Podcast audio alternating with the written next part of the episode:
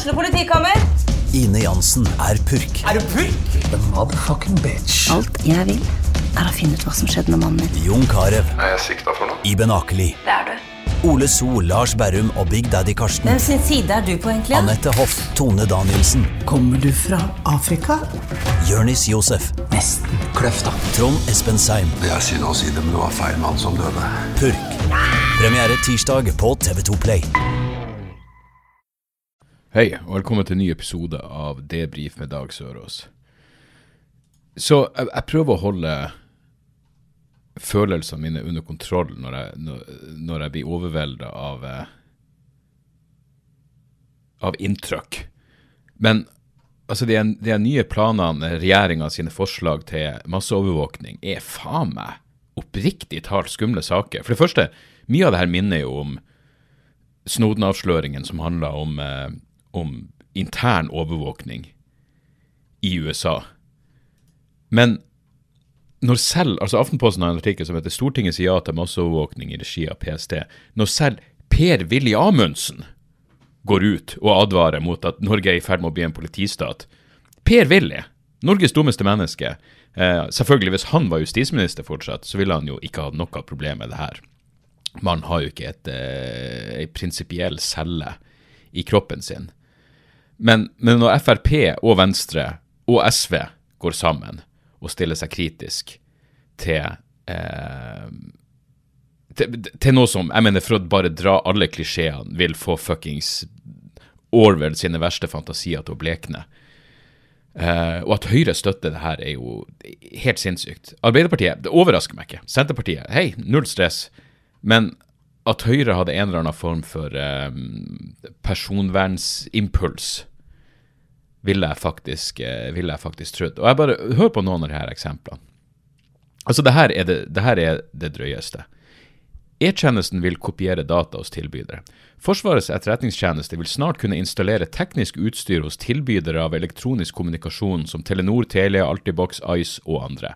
Slik kan de kopi kopiere all kommunikasjon som krysser landegrensen. Siden eh, siden svært få tilbydere lagrer alt innenfor Norges grense, vil det i praksis si at så å si alle e-poster, tekstmeldinger, chatmeldinger og annen kommunikasjon kan bli overvåka. En melding du sender naboen på Messenger, vil dermed kunne bli overvåka. Eh, og så selvfølgelig må få eh, Domstolen må, må også godkjenne at E-tjenesten innhenter og lagrer innhold med tilhørende metadata. Innholdsdata er selve innholdet i f.eks. en e-post eller videosamtale. Lagringa må være knytta til konkrete saker. Det er ingen maksimal lagringslengde. De skal lagre hvem du sitter ved siden Ikke bare hvor du flyr og når du flyr. Fra nyttår må flyselskap utlevere navn, kontaktinformasjon, reiserute, hvem du reiser eller sitter sammen med, bagasjeopplysninger, betalingsinfo og passnummer. Politiet lagrer opplysningen. Uh, og så da det som, som uh, det ser ut som uh, ja, bl.a. Per-Willy, det er sjokkerende som skulle være enig med han i noe, reagerer på.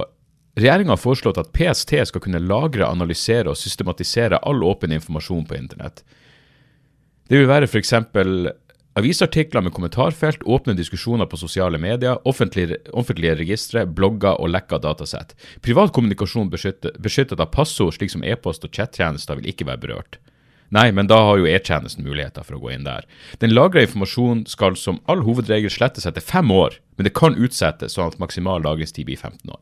Så PST skal bygge opp et register med, alle, med alt som folk har foretatt seg av på det åpne nettet, i kommentarfelt eller på blogger eller osv. Og så er det altså her noen uttalelser som faen meg er helt utrolig. Så vi ser hvor i faen var det her? For det, det, det, det nevnes jo blant annet Altså, i ei tid hvor det å bevare demokratiet Ikke bare som institusjon, men som fuckings impuls i befolkninga, er viktigere enn noen gang. Så er det selvfølgelig prat om det de kaller en nedkjølende effekt. Flere advarer om at en så massiv overvåkning vil gi mer selvsensur, der folk ikke tør si eller skrive noe i redsel for at ytringen blir lagra hos PST. Selvfølgelig. Også regjeringa selv advarer om det i sitt eget lovforslag, fordi det kan utgjøre et inngrep i ytringsfriheten. Men så kommer faen meg uttalelsen her. I motsetning til Justisdepartementet avviser Forsvarsdepartementet at overvåkning fra E-tjenesten vil ha en nedkjølende effekt. Og hvordan empiri sikter de til her? På hvilken bakgrunn avviser de den nedkjølende effekten? Her er forklaringa. Den vil ikke fysisk eller direkte hindre noen fra å ytre seg, skriver seniorrådgiver Marita, Marita Isaksen Wangberg i departementet i en e-post. Har hun ikke forstått hva nedkjølende effekt betyr? Det er ingen som prater om fysisk og fysisk eller direkte hindre noen fra å ytre seg. Det handler om en nedkjølende effekt som gjør at folk ikke tør å fuckings ytre seg. Hun opplyser at de har vurdert nøye om mer overvåkning kan legge en demper på samfunnsdebatten, men har ikke funnet belegg for at en nedkjølingseffekt vil finne sted. Vel, for det første, kom med forskninga, vis hvordan dere har gått frem her, og vis hvordan dere kan slå fast Jeg har ikke funnet belegg for at en nedkjølingseffekt vil finne sted. Nei, men det er jo et Det er jo et Det er ikke et empirisk spørsmål enda. Det er jo, det er jo i, i, den forstand teoretisk, men vi, det finnes jo allerede dokumentasjon på nedkjølingseffekt. Det er bare å se til andre land.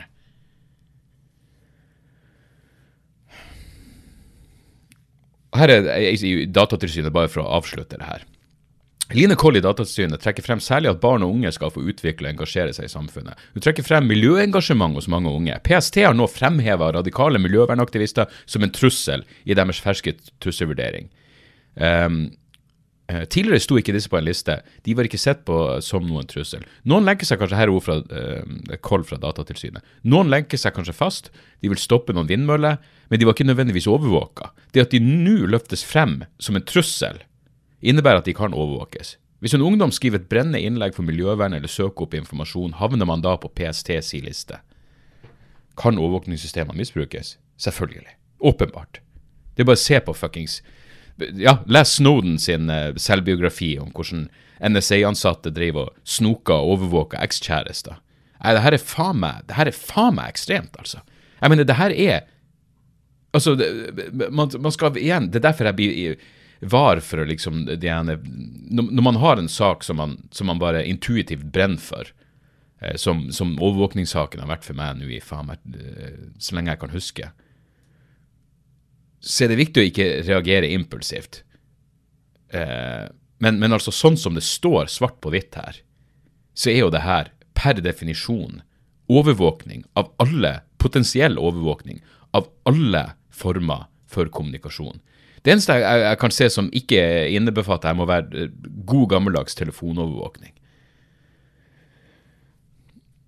Og så må du også, For det første må du, må du jo spørre deg sjøl ja, det, det prinsipielle, men vil det her ha noe fuckings effekt? Tror du det her kommer til å hindre noe terrorangrep? Ja, da kan du se på, på prideskytinga, og hva man satt med, hva PST satt med, var i direkte kommunikasjon med de involverte, og klarte ikke å avdekke noe. Nei, det her er faen meg ekstremt, folkens. Det her er faen meg ekstremt. Og hvor er debatten? Jeg mener, jeg, jeg leser jo de her artiklene i, i, eh, i, Aftenposten og Bergens Tidende. Jeg lurer på om det her opprinnelig sto i Bergens Tidende. Men det er jo altfor lite jævla offentlig debatt om det her.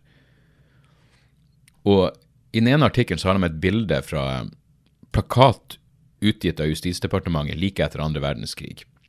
Og Da står det bare 'alvorlige tider', og så er det tre skyggemennesker som står og snakker sammen. Alvorlige tider, vær varsom med hva du sier, og så er det bilde av et øre, Justisdepartementet. Helvete, altså. Det her er Det her er fuckings ekstremt.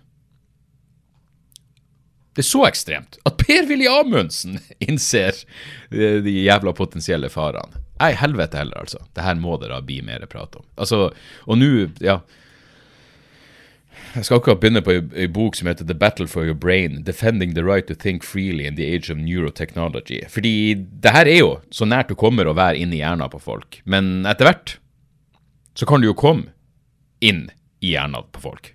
Bokstavelig talt. Og hva det her har å si for eh, ikke bare ytringsfrihet, men tankefrihet og selvbestemmelsesrett og, og grunnleggende menneskerettigheter. Og eh, igjen, her er det jo hvem var landene som var, som var dømt? Vi ser her uh, Skal vi se For det er land som er dømt i, i, uh, i EU for uh, Hvor i faen var det? Oh, oh, oh, kan bryte med menneskerettene. De nye den nye masseovervåkninga kan bryte med den europeiske menneskerettighetskonvensjonen og rettspraksis i EU, ifølge Datatilsynet. Sverige og Storbritannia er allerede dømt i Den europeiske menneskerettighetsdomstolen for tilsvarende forhold. Seks land er dømt i EU-domstolen. Så selv om ikke vi er EU-medlem, så kan vi fortsatt bli dømt i Den europeiske menneskerettsdomstolen. Så her er Line Koll i Datatilsynet igjen. Norge har åpenbart evnen til å ta hensyn til kjennelsene. Det skorter på vilja.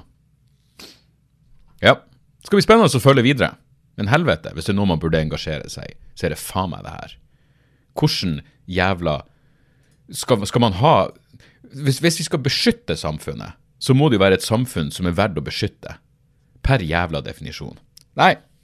Skumle saker. Skumle, skumle jævla saker. Så det var nå starten på denne podkasten. Rett på fucking sak. Så fikk jeg en, en, en morsom melding på Instagram i, i går, tror jeg, uh, som jeg tenkte jeg skulle ta tak i. Det er ei dame som skriver Hei, jeg er i en situasjon hvor jeg må be deg om en tjeneste. Jeg har en kjæreste som uh, Ja, bla, bla, bla. Han liker det jeg holder på med. Det jeg, må, det jeg må be deg om, er å ikke bruke sixpence i Bergen eller Trondheimsområdet. Han så deg på Værnes og bruker nå deg som unnskyldning til at han kan bruke dette igjen. Har brukt fire år på å få han til å glemme sixpensen. Når han bruker sixpence, havner også armene automatisk bak på ryggen når han går, og han ser ut som en 80-åring. Han er 35. Setter pris på om du tar dette til etterretning. Takk på forhånd. Jeg svarte bare 'sønnen min blir å elske den her'. Fordi eh, Sander eh, ja, en stor fan. Eh, egentlig på generell basis å poengtere hvor gammel jeg er. Men eh, når jeg i tillegg tar på sixpensen Jeg husker vi skulle på et, sånn, om vi skulle på noe foreldremøte eller et eller annet, hvor han bare la ned, han la ned veto mot at jeg kunne ha sixpence på meg. Uh, men jeg digger sixpence. Sixpence er kult. Sixpence gjør deg ikke eldre. Uh, det er ingen grunn til at du skal ha armene bakpå. Jeg, jeg går med sixpence og kaster opp gang signs, OK? Det er ingen grunn til at du skal gå som en fuckings 80-åring. Og ikke bare kommer jeg aldri til å slutte å bruke sixpence, jeg kommer til å ha sixpence på meg fordi hun skriver at de kommer på showet i Bergen 22. april nærmer seg utsolgt. Jeg kommer til å ha fucking sixpence på meg på scenen. OK? Sånn er det. Er det noe jeg brenner for? Er det noe jeg brenner mer for enn um, det å ha kontroll på myndighetene sin kapasitet til å overvåke egne, overvåke, overvåke egne borgere, så er det retten til å gå med en fucking sixpence. Uten å skamme seg, og uten å føre seg gammel uten å føle seg nå gammel i det hele tatt. Så uh, Ja, nei, fy faen, altså. Sixpence über alles. Og sånn er det bare. Og så fikk jeg også, bare for å avslutte meldingsgreia, ja, det er en morsom historie fra uh, min gode venn Espen Abrahamsen. Og Espen Abrahamsen, uh, Komikometen, han er med meg på lørdag i Bodø. Han er support for meg i Bodø i Stormen. Uh, der er det utsolgt. Det er fem-seks enkeltbilletter igjen. Uh, men uh, jeg får en melding nå mens jeg sitter og snakker her, for jeg, jeg skrev noe til Tjomli om det, en overvåkning, og han bare ja, men da bruker man VPN. Absolutt. Jeg mener, det her er jo Ja, ExpressVPN er ikke en sponsor, men fuckings få deg en VPN, for helvete. Um, det er bra nå det tar den digitale kampen seriøst. Uh, og gå inn og lese Electronic Freedom Foundation sine artikler om det. Ja, uansett. Eh, Espen Abrahamsen er med meg i, uh, i Bodø på lørdag, og så er han med meg neste uke til Skjervøy, Alta og Hammerfest. Um, Lydmann Steven uh, har noe Jeg vet ikke hva han har. Han har noe mer økonomisk innbringende jobber å gjøre, eller et eller annet. Så ingen Steven, men Espen. Som betyr at dere får enda mer show. Og Espen sendte meg en melding, fordi uh, hans uh, sistefødte har, uh, jeg tror, har nylig blitt døpt. Og da fortalte han at han, han var på forberedende dåpssamtale i kirka uh, sammen med, med samboeren. Og presten hadde spurt hva han drev med, og ditt og datt, for å liksom bli kjent med, med foreldrene til ungen som skal døpes. Og da spurte han hva Espen jobber med, og han sa at han har permisjon fra studiene, men at han driver med standup. Og, og presten dro klassikeren 'Kan man leve av det?' Og da sier Espen at eh, samboeren hans skøyt inn fra sida, eh, for hun kjenner ikke mitt forhold til Vår Herre. Eh, og hun hadde sagt at ja, Espen har fått muligheten til å reise rundt med Dag Sørås, og de har blitt gode venner. og Espen hadde han med som første gjest på eh, den nye podkasten sin. Uh, og så skriver Espen her på, i meldinga Og du ser på presten at han vet godt hvem du er, så jeg prøver å bytte samtaleevne, men hun bare kjører på. Og så var han jo gjest i podkasten din, og pressen sitter og rynker på nesa, så vi fikk så vidt lov til å døpe barnet vårt i kirka pga. mitt forhold til deg. Og da svarte jeg bare det her er jo helt nydelig. Jeg gjorde nesten dattera di en indirekte tjeneste på forhånd. Uh, jeg kunne gjort sånn at hun slipper å melde seg ut av statskirka om, om 18 år. Men, uh, men, gøy, gøy, gøy. Og Har dere noen god historie eller noe innspill? Det her er det lenge siden jeg har sagt, men uh, jeg, har pod, jeg, har en egen mail til podkasten min en egen mailadresse, og den er debrifpodkast.gmail.com. Podkast med C, selvsagt. Så uh, skulle det være noe gøy, uh, kan langt fra garantere at jeg svarer på noe, men, men jeg leser alt. Så, så der, så. Utenom det så var jeg jo selvfølgelig på, på, reise forrige helg også. Var i Mo i Rana og Brønnøysund. Og det ble en litt sånn Begge kveldene ble småstressende på forhånd av ulike grunner. Eh, på veien opp til Mo i Rana på fredag så fløy vi med Widerøe, først til Trondheim, og så videre fra Trondheim til, til Mo. Og det var noe uvær og noe faenskap, så vi hadde egentlig, vi landa vel i Trondheim i halv, halv tre-tida, og da skulle vi bare ha en halvtime, og så skulle vi fly videre. Vi skulle lande i Mo klokka fire på ettermiddagen, som gir god tid før showstart halv åtte. Men flyet er bare Når vi lander i, i Trondheim, så tikker det bare inn en melding om at flyet er kansellert. Og da viser det seg at det er et helvete snøvær på Mo, eller i Mo. Og uh, vi får et nytt fly klokka halv seks. Og det blir også litt forsinka, men vi kommer oss av gårde, og vi lander altså én time før det skal være showstart. Nå skal det sies, på Meigården i Mo så var de, de tydeligvis vant til at det her skjer. Så når vi hadde kontakta dem og flyet er kansellert, så har de vært sånn eh, sånn skjer, da får vi bare utsette showet. Eh, så, så showet ble utsatt med bare en halvtime, da. Eh, I tillegg skulle jeg jo ha Daniel Furre med som support. Han, jo, han, var på plass i god tid. Så jeg sa til han at du må, du må kutte ned settet ditt til, til, fem minutter, fordi showet er allerede utsatt og ditt og datt. Og, og det, folk kan jo ha barnevakter og faen vet. Men uansett, jeg kom, vi kom på hotellet eh, halv åtte. Og det var bare å legge fra seg bagasjen og fuckings ta noe vann i trynet. Og rakk det. Vi gikk på fem over åtte, tror jeg showet starta. Og eh, fortreffelig jævla publikum. Det var, det var dritgøy. Og så etterpå, når jeg kommer av scenen, så står uh, Furre der sammen med en kompis. Og når jeg, når jeg er ferdig med showet, liksom, det, jeg har stått og babla i en time og 40 minutter. Jeg har lyst til å fuckings sitte i fred litt.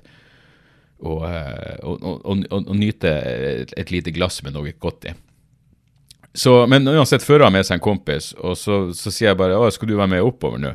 Fordi han bare begynte å følge etter meg oppover. Og så var han sånn 'Jeg kan love deg, jeg skal ikke gjøre mye ut av meg'. Og det burde jeg tatt som et tegn på at han, han, kommer til å, han her fyren kommer til å gjøre jævlig mye ut av seg. Så jeg sa ja, ok, greit. Jeg, jeg er en høflig faen, men så han og Furre kommer med, og så gir de dem en pils, og så viser det seg han her fyren for det første er han gått i farta og begynner å bable. For det første så begynner han å bable om at han må få Steven med på fylla. Steven er ikke kommet ennå. Og jeg bare ja, altså Vi blir å ta noen drinker, men det blir ikke noe fuckings hardcore fylle på oss. Skal, Steven skal kjøre fire timer til Brønnøysund i morgen, morgen, tidlig. Og da var han sånn Jeg skal kjøre dere, for Steven er artig på fylla. Steven er morsommere enn deg i fylla. Det, det kan godt hende at det er sant. Men jeg måtte si du skal kjøre oss. Hvordan skal du komme deg tilbake? Og så han, jeg kjører tilbake. Jeg bare Vi har leiebil. Hvordan skal du haike tilbake? Du, du må kjøre vår leiebil, da, og så må du sette den av. Ja, nei, det kom til å bli et problem. Så og så tipper jeg også at du er ikke en særlig rolig eh, fyr bak rattet, er du det? Eh, jeg har lyst til å slappe av når jeg sitter i bilen. Jeg har lyst til å høre på musikk og, og, og nyte omgivelsene. Ikke fuckings uh, spinnvill kjøring av en også, så, Jeg klarte ikke engang å gjette hvor gammel han var, men han var ung. Og etter hvert skulle det vise seg at han var jævlig ung, fordi han, han sier plutselig at uh, Ja, nei, men jeg, jeg, jeg, jeg, føler vi er ferdige å drikke her, skal ikke vi heller bare dra hjem til meg? Vi kan ha fest hos meg. Jeg bare Fest hos deg? Han bare Ja, mamma er ikke hjemme. Mamma er ikke hjemme. Skal, skal du Skal jeg jeg er 45, Steven er vel 46. Skal du dra med to gamle gubber hjem fordi mamma ikke er hjemme? Og så skal vi sitte og drikke i lag. Nei, det frister ikke så jævla mye. Så jeg, jeg sa bare at vel, jeg og Steven skal spise nå, så får dere bare gå ut en plass, og så treffer vi dere der. På det tidspunktet. Og faktisk, når vi kom da til eh, hvor enn vi dro henne, hva enn den plassen het, jeg husker ikke. Onkel Oskar, kanskje, eller noe. Nei, det, det er i, eh, i uh, Mosjøen. Det er onkel Oskar i Mo også. Ja, vi, vi dro nå på en eller annen pub. Og da møter vi, på vei inn så møter vi han her fyren, Maurings. Da er han på vei hjem, eller han er sikkert kasta ut, vil jeg tro. Men da finner han ut at han skal fære inn igjen. Skal, jeg bare, ja, du tror du blir å slippe inn? Ja, ja. Og når vi kom inn i puben, det første han ene fyren bak baren sier til han fyren, er bare 'Døra er fortsatt der', så han måtte gå igjen. Uh, og så, eh, ja, så satt vi sammen med noen venner for eh, Men det var stille og rolig, tok noen drinker, og så uh, var det relativt tidlig kveld, fordi det var en lang, lang kjøretur dagen etterpå. Og, og lengre skulle den bli. Det er eh, faen så klart. Lengre skulle den bli. Fordi eh, vi kjører da fra Mo, og så når vi nærmer oss Mosjøen, så har Steven har slått på GPS-en i bilen, og liksom raskeste vei til fuckings Brønnøysund. Og jeg har GPS-en på på telefonen min. Og Steven tar det som skulle vise seg å bli en skjebnesvanger høyresving. Og jeg regner med at han har kontroll, så jeg sitter bare der hører på The Sadies og, og, og koser meg. Eh, kjente jeg hadde litt lyst på vin, men tenkte det kanskje litt tidlig. Jeg hadde noe vin i, eh, bak i bagen, og jeg har jo reisekoppen min alltid med meg. Men jeg tenkte jeg, jeg ser det litt an. Og etter å ha kjørt en god stund, så tar jeg bare opp Google-mappen, og så ser jeg på kjøreretninga, og så tenker jeg hva, hvor er vi på vei nå? Det her er ikke rett. Vi er jo på vei mot noe ferge og noe piss. Så jeg begynner å slå inn, og Steven blir sånn Hæ, hva du sier Så jeg bare sier du må stoppe bilen. Så han finner en plass vi kan stoppe, og det viser seg at vi har kjørt helt feil. Vi har tatt ei, vi har tatt ei avkjøring vi ikke skulle tatt, og nå er vi Vi har kjørt så langt at vi er der vi, vi er akkurat på ikke past the point of no return, men vi er på akkurat på point of no return, hvor det er like langt. Enten vi snur og kjører tilbake, eller vi fortsetter på denne retninga, så tar det i prinsippet like lang tid til Brønnøysund. Men i den retninga vi er på vei, så er det fuckings ei ferge på turen. Og det er jo uaktuelt. Det er en lørdag i Nord-Norge. Hvem vet? Går, ferga en gang? Det er umulig å finne ut Altså i stedet for å prøve å finne ut av det der faenskapet, så er det sånn, nå må vi bare kjøre tilbake. Og jeg var sur. Det er ikke ofte jeg hater Steven. Men helvete heller. Jeg burde selvfølgelig ha hata GPS-en på bilen. Men jeg var irritert. Og det var, det var anspent der en stund. Det var fem minutter med pressende stillhet. Og eh, jeg henta vin, og, eh, og så må man jo bare bite i seg. Men det er jo jævlig kjipt når du kommer frem tilbake til der du kjørte av, og så tenker du nå kunne vi vært fuckings fremme. Uh, og det var ganske Det var blatt, det var blatt, det var glatt som faen på veien, men, men Steven er jo heldigvis en, en, en habil sjåfør. Men det gjorde jo at det, det, er noe, det er en jævlig stor mental forskjell på å komme frem klokka fire og klokka fem når man skal spise halv syv. Fordi to og en halv time og en og en halv time En og en halv time så er det bare sånn, nå har jeg bare tid til å gjøre de mest grunnleggende jævla ting. To og en halv time, da kan du slappe av, du kan ta en halvtime på øyet. Nå får jeg ikke tid til noe av det der. Så jeg går bare inn på hotellrommet, jeg, jeg, jeg legger meg ned på senga, ser én episode Exit, og så hadde vi bestilt eh, Jeg hadde bestilt bord på en restaurant. Og den restauranten var rett over gata fra der vi skulle ha show, på, eh, på Kred i Brønnøysund. Så showstart åtte, og da tenker jeg middag halv syv, da har vi jo mer enn god nok tid. Men den her, restauranten, vi kommer inn der, og den er åpenbart fancy. Eller eh, Steven var allerede på plass, for han hadde vært og fiksa ting og tatt lydsjekk osv. Så, videre. så han sitter der. Og når jeg kom inn og slår meg ned, det første jeg tenkte var på filmen eh, Jeg tenkte på filmen The Menu.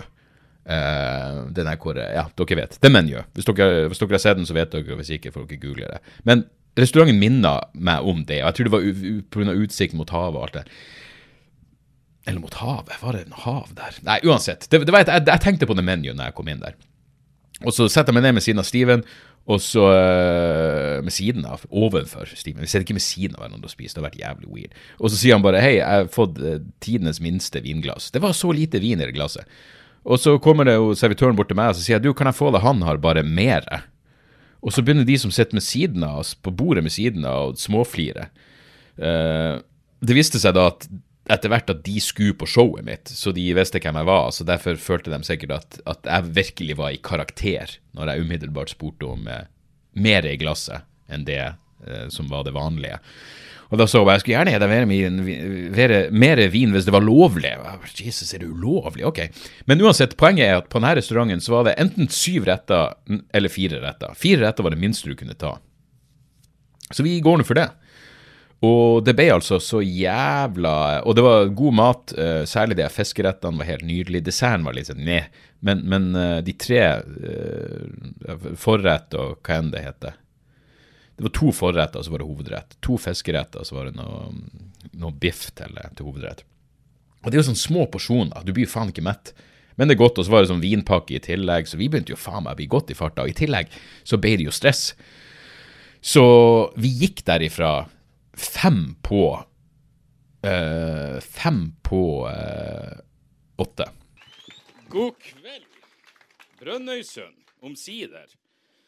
Vi, var, vi feilberegna litt, jeg og min kjære lydmann Steven. Vi var på den over gat... Svag, Svegg, Svasjei, jeg vet da faen. Den fancy restauranten. Jeg trodde en og en halv time ville være nok tid. Jeg visste ikke at det var påtvunget med minst fire retter. Minner meg litt, Har dere sett The Menu, den filmen hvor folk kommer inn på en fancy restaurant, og så blir alle drept? Spoiler alert. Eh, men det, det var litt den, den følelsen. Steven sa til meg på et tidspunkt er det innafor å utsette showet fordi vi må bli ferdig med en fireretter. Jeg, jeg vet da faen. Det kan fucke opp min, eh, mitt rykte som en arbeiderklassegutt. Men hyggelig å se dere her. Jævlig kjekt. Eh, jeg har så vidt fått sett på lokalavisa deres, men der var det bare Alle vitsene handla om Nei, alle vitsene. Jeg, jeg, for så vidt. Nå har ikke jeg et plussabonnement, men jeg tipper det som står der, er ganske latterlig. Men alle sakene handler om brøyting. Og jeg har ingen fuckings brøytevits. Jeg er, så jævla, jeg lei vei generelt. Vi var i Mo i Rana i går, og så skulle vi kjøre hit. Det skal vel ta fire timer. Vi kjørte feil og brukte vel nærmere seks timer. Men hvor nøye er det når veiene er så bra brøyta? Ja, så jeg prater om det her på scenen, og eh, Ja, vi kommer der fem på åtte. Og da er det altså så i siste øyeblikk. Og så går han den jævla fyren som driver Kred, over anlegget og sier Ja, da er dag kommet, så det blir show i kveld. Så det er sånn, hva har du gitt inntrykk av at det ikke skulle bli show? Selvfølgelig blir det fucking show. Og så begynte jo ikke showet for kvart over åtte, og det er jo ikke min jævla feil. Det var jo den sedvanlige eh, køa i, eh, i baren.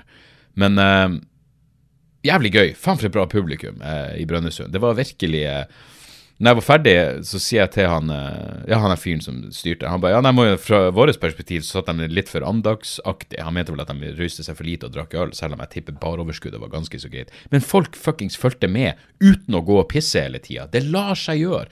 Samme i Mo i Rana. Det var langt fra den jævla evinnelige dass... Eh, spurtinga eh, som, eh, som Mosjøen er. Det skal vel godt gjøres at noen blir verre enn Mosjøen på denne turneen. Men se, det går an å kose seg og drikke, og fortsatt bare klare å sitte og følge med i en og en halv time. Det lar seg fuckings gjøre. Tren blæra litt på forhånd. Det kan umulig være for mye å be om. Eh, og etter at vi var ferdig, så Hva gjorde vi da? Da ble bare jeg og Steven sittende der fordi det var noen noe trubadurer som skulle spille.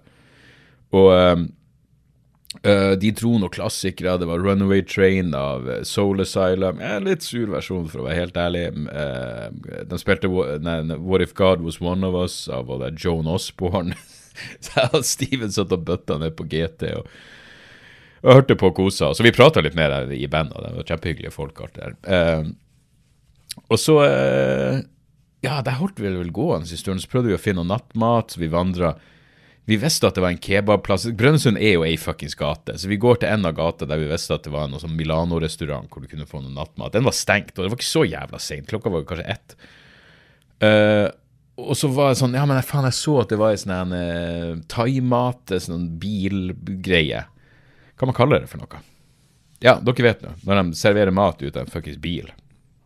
Uh, den var selvfølgelig også stengt. Og så ga vi bare opp. Vi kapitulerte uh, motvillig.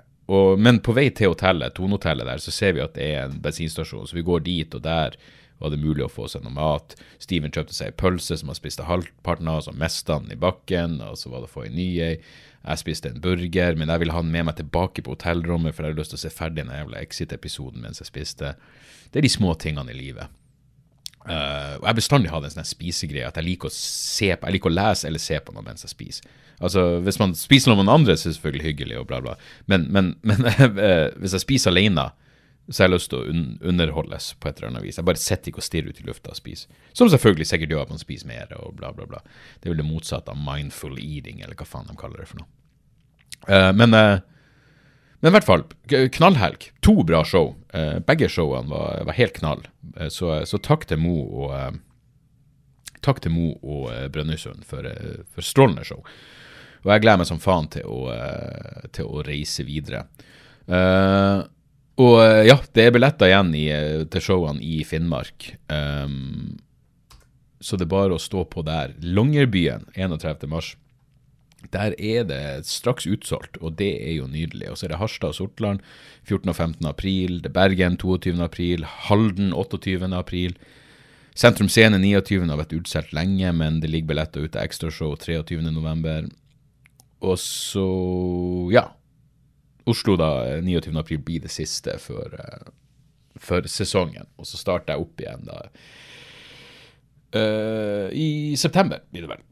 Blant annet lagt ut ekstrashow i Mo i Rana 22.9. Og, og så videre og så videre og så videre. Alt ligger på dagsoras.com, og flere show kommer. Uh, ja, så der. Uh, var det noe mer jeg skal klippe meg snart? Jeg, jeg merker at jeg gruer meg litt. Jeg er sånn en jeg vet da faen. Jeg har ei som jeg har gått til fast, fordi hun prater perfekt liksom, Hun er lett å prate med, men hun snakker Hun merker hvis jeg har lyst til å prate, på en måte, og det er jo helt optimalt. Uh, men så har hun vært sykemeldt eller noe, så jeg har gått til noen andre, og det har vært, uh, det har vært mye forskjellig. Mye jabbing tidvis, for hun har vært sykemeldt en stund. Men nå er hun tilbake igjen. Men uh, Fy faen, det er kjedelig å klippe seg. Det er noe av det dølleste som finnes. Altså Når du har det så uinteressant Det er liksom ikke noe, ikke noe spennende jeg kan gjøre med det stålhullet oppå skallen min. Så det blir liksom det samme hver gang. Jeg vet da faen. Jeg gleder meg til å få det gleder meg til å få det unnagjort. Uh, hva var det annet jeg hadde lyst til å bable om? Ja, det var to ting. For det første, uh, nyhetsrelatert. Det er lab-lik uh, Det at det nå er så uh, relativt mye artikler om at hei, kanskje det kan vise seg at koronaviruset å si, lak, lak lekka ut fra et laboratorie. Fordi de har jo Wuhan Institute of Virology er jo rett i nærheten av Fordi, RGA Pandemien oppsto på det rene våtmarkedet. Det virker vel som et etablert faktum. Og så er det mange som tenker hei, når det er en uh, Wuhan Institute of Virology er rett i nærheten, så skal du jo Det er jo ganske, ganske tilfeldig, da.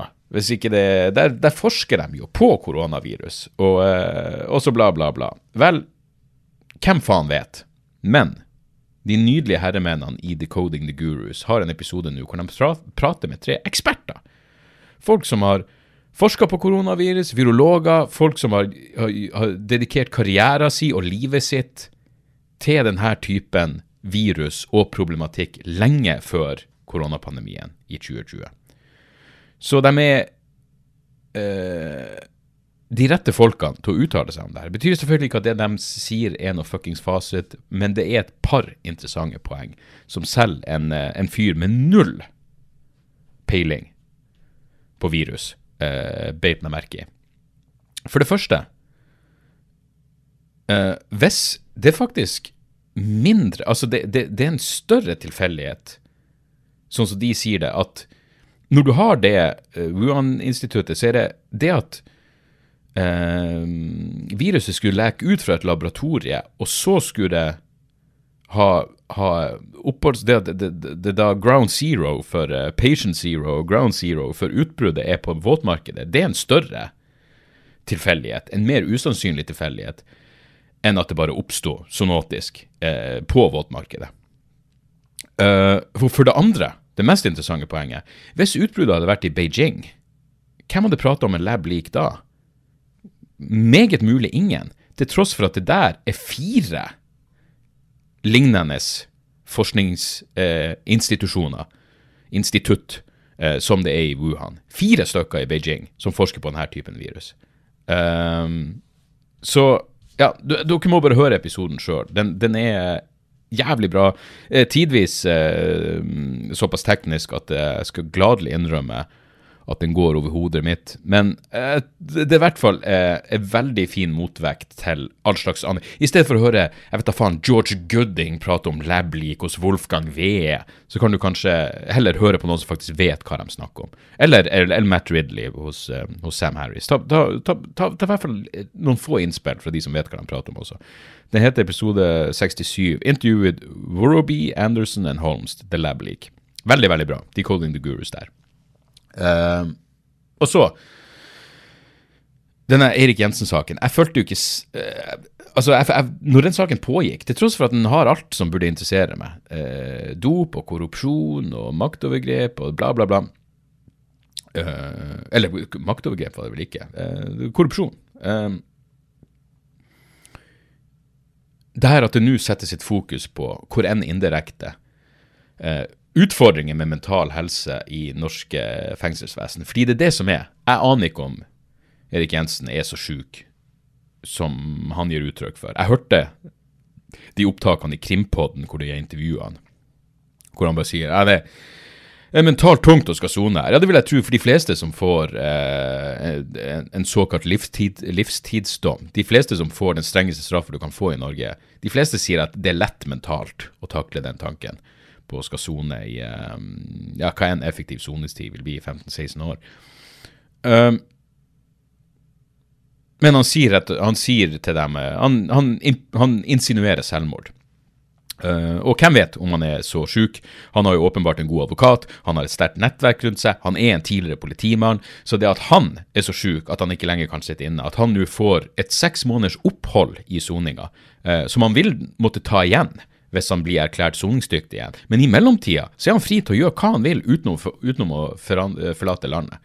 Og jeg vil ikke være kynisk og trivialisere eh, de mentale lidelsene, men faen, jeg tror det er mange som sliter atskillig mer, og som er mindre som har et mindre eh, ressurssterkt nettverk rundt seg. Det, jeg syns jeg så en plass at det har vært 25 selvmord i norske fengsler de siste fem årene. Nesten 300 selvmordsforsøk.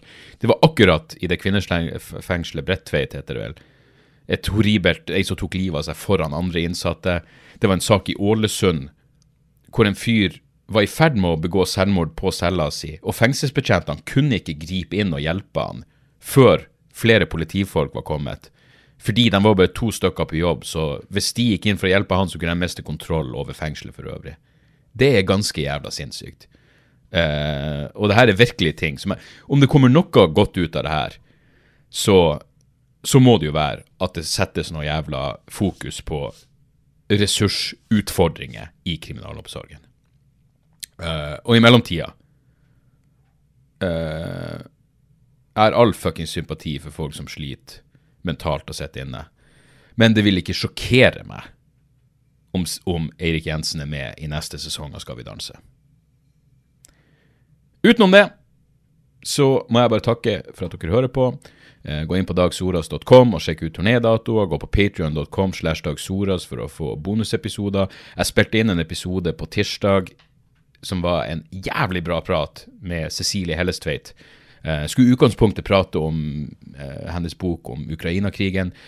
Prata om det og atskillig flere ting. Hun er virkelig kanskje den av alle jeg har prata med på podkaster, så hun er den hvor jeg bare tenkte det her kunne vart i ti timer. Vi, vi kunne prata sammen i en evighet. Hun har sånn jævla stålkontroll på på, på geopolitikk og konflikter over hele verden. Og alt hun sa, bare bringa ut ti nye spørsmål i hodet mitt. Men uh, den praten ligger ute på Patrion. Den kommer som en vanlig uh, debrief-episode etter hvert. Uh, men jeg syns de som støtter meg på Patrion, skal få De fikk råfilen uh, en time etter at praten var ferdig. Og den ble uh, jævlig fin og informativ. Og fuckings skummel til tider. Um, så um, patreon.com uh, slash dagsordas. Her er en ting til. Hvis dere bor en plass hvor, som har et kulturhus, eller der dere tror det er folk som liker det jeg holder på med Dere må liksom, Jeg er avhengig av, å, av å, å, å, ha en viss trygghet på at jeg kan selge billetter der. Men hvis dere har tips til spillesteder um, Nå skal jeg bare si hva det ligger an til, altså uten å ha noen datoer klar, så ser det ut til at jeg kommer til Jeg skal bare finne oversikta her. Uh, uh, uh, uh, du, du, du, du, du. Foreløpig turnéplan. Ok, Det ligger an til at jeg kommer til, til Stjørdal, eh, Bardufoss, Fredrikstad, Kongsvinger, Hamar, Kristiansand, Molde, kanskje. Eh, Ålesund, selvfølgelig. Men har dere noen plasser utenom, utenom det? Eh, send meg en mail eh, til hvis dere, har, hvis dere har eh, seriøse tips, altså det må være et kulturhus eller en ordentlig scene, og dere må ha en eh, Jeg vet ikke hvordan dere skal kunne liksom eh, anslå det, men, men, men, det bør i hvert fall Ja, det må være, det må være bo mennesker der. OK? Det må være så For det første, det er ikke et, det er ikke et for, Fra kulturhusenes perspektiv så er det ikke et krav at en plass må ha innbyggere for å ha et kulturhus, så det skal ikke stå på det. Men hvis dere har et seriøst tips til en plass dere vil jeg skal komme på denne turneen, send meg en mail til dag krøllalfa feelgoodicestage.no. Og så merk det i kommentarfeltet med eh, turné. Merk det med spillested. Eh, så skal jeg se på dem seriøst og sende dem videre til managementet mitt. Eh, så, så, der, så. Så fuck et par eh, tips helt på slutten. Der har jeg bare hva er mine tips? Da har jeg glemt å tenke på. Tar, for faen. Den Oscar-nominerte filmen Tar med, med Kate, Blanchett, Kate Blanchett. Helvete, den er det, det, var, det, var, en sånn film som jeg umiddelbart tenkte den her må jeg se igjen. Uh, den er jo satt liksom i ja, Folk vet jo om Tar, men, men ja, jeg elsker Everything Everywhere All At Once, men det ville ikke, vil ikke vært sånn Hva i helvete hvis Tar hadde vunnet beste film? Um, og det er jo en spesielt en, en metoo-film satt i et ekstremt pretensiøst eh, klassisk musikkmiljø. Men, men, faen, altså. Den er bra. Og jeg er ikke engang helt sikker på Nei, det, det, er noen filmer man ser, og så tenker man bare umiddelbart Fuck, den her. Den her må jeg se på nytt igjen. Fordi her er det mye å uh, Her er det mye å ta inn. Um, så, så uh, den anbefales, og så vil jeg anbefale en podkast som heter Tech Won't Save Us. Og um, jeg tror den skal være åpen for alle. Um, ja, det kommer ut en ny episode hver tirsdag, og det er bare Det, det handler om tech-industrien. Og, og, hype og utfordringer og eh, imponerende innovasjon.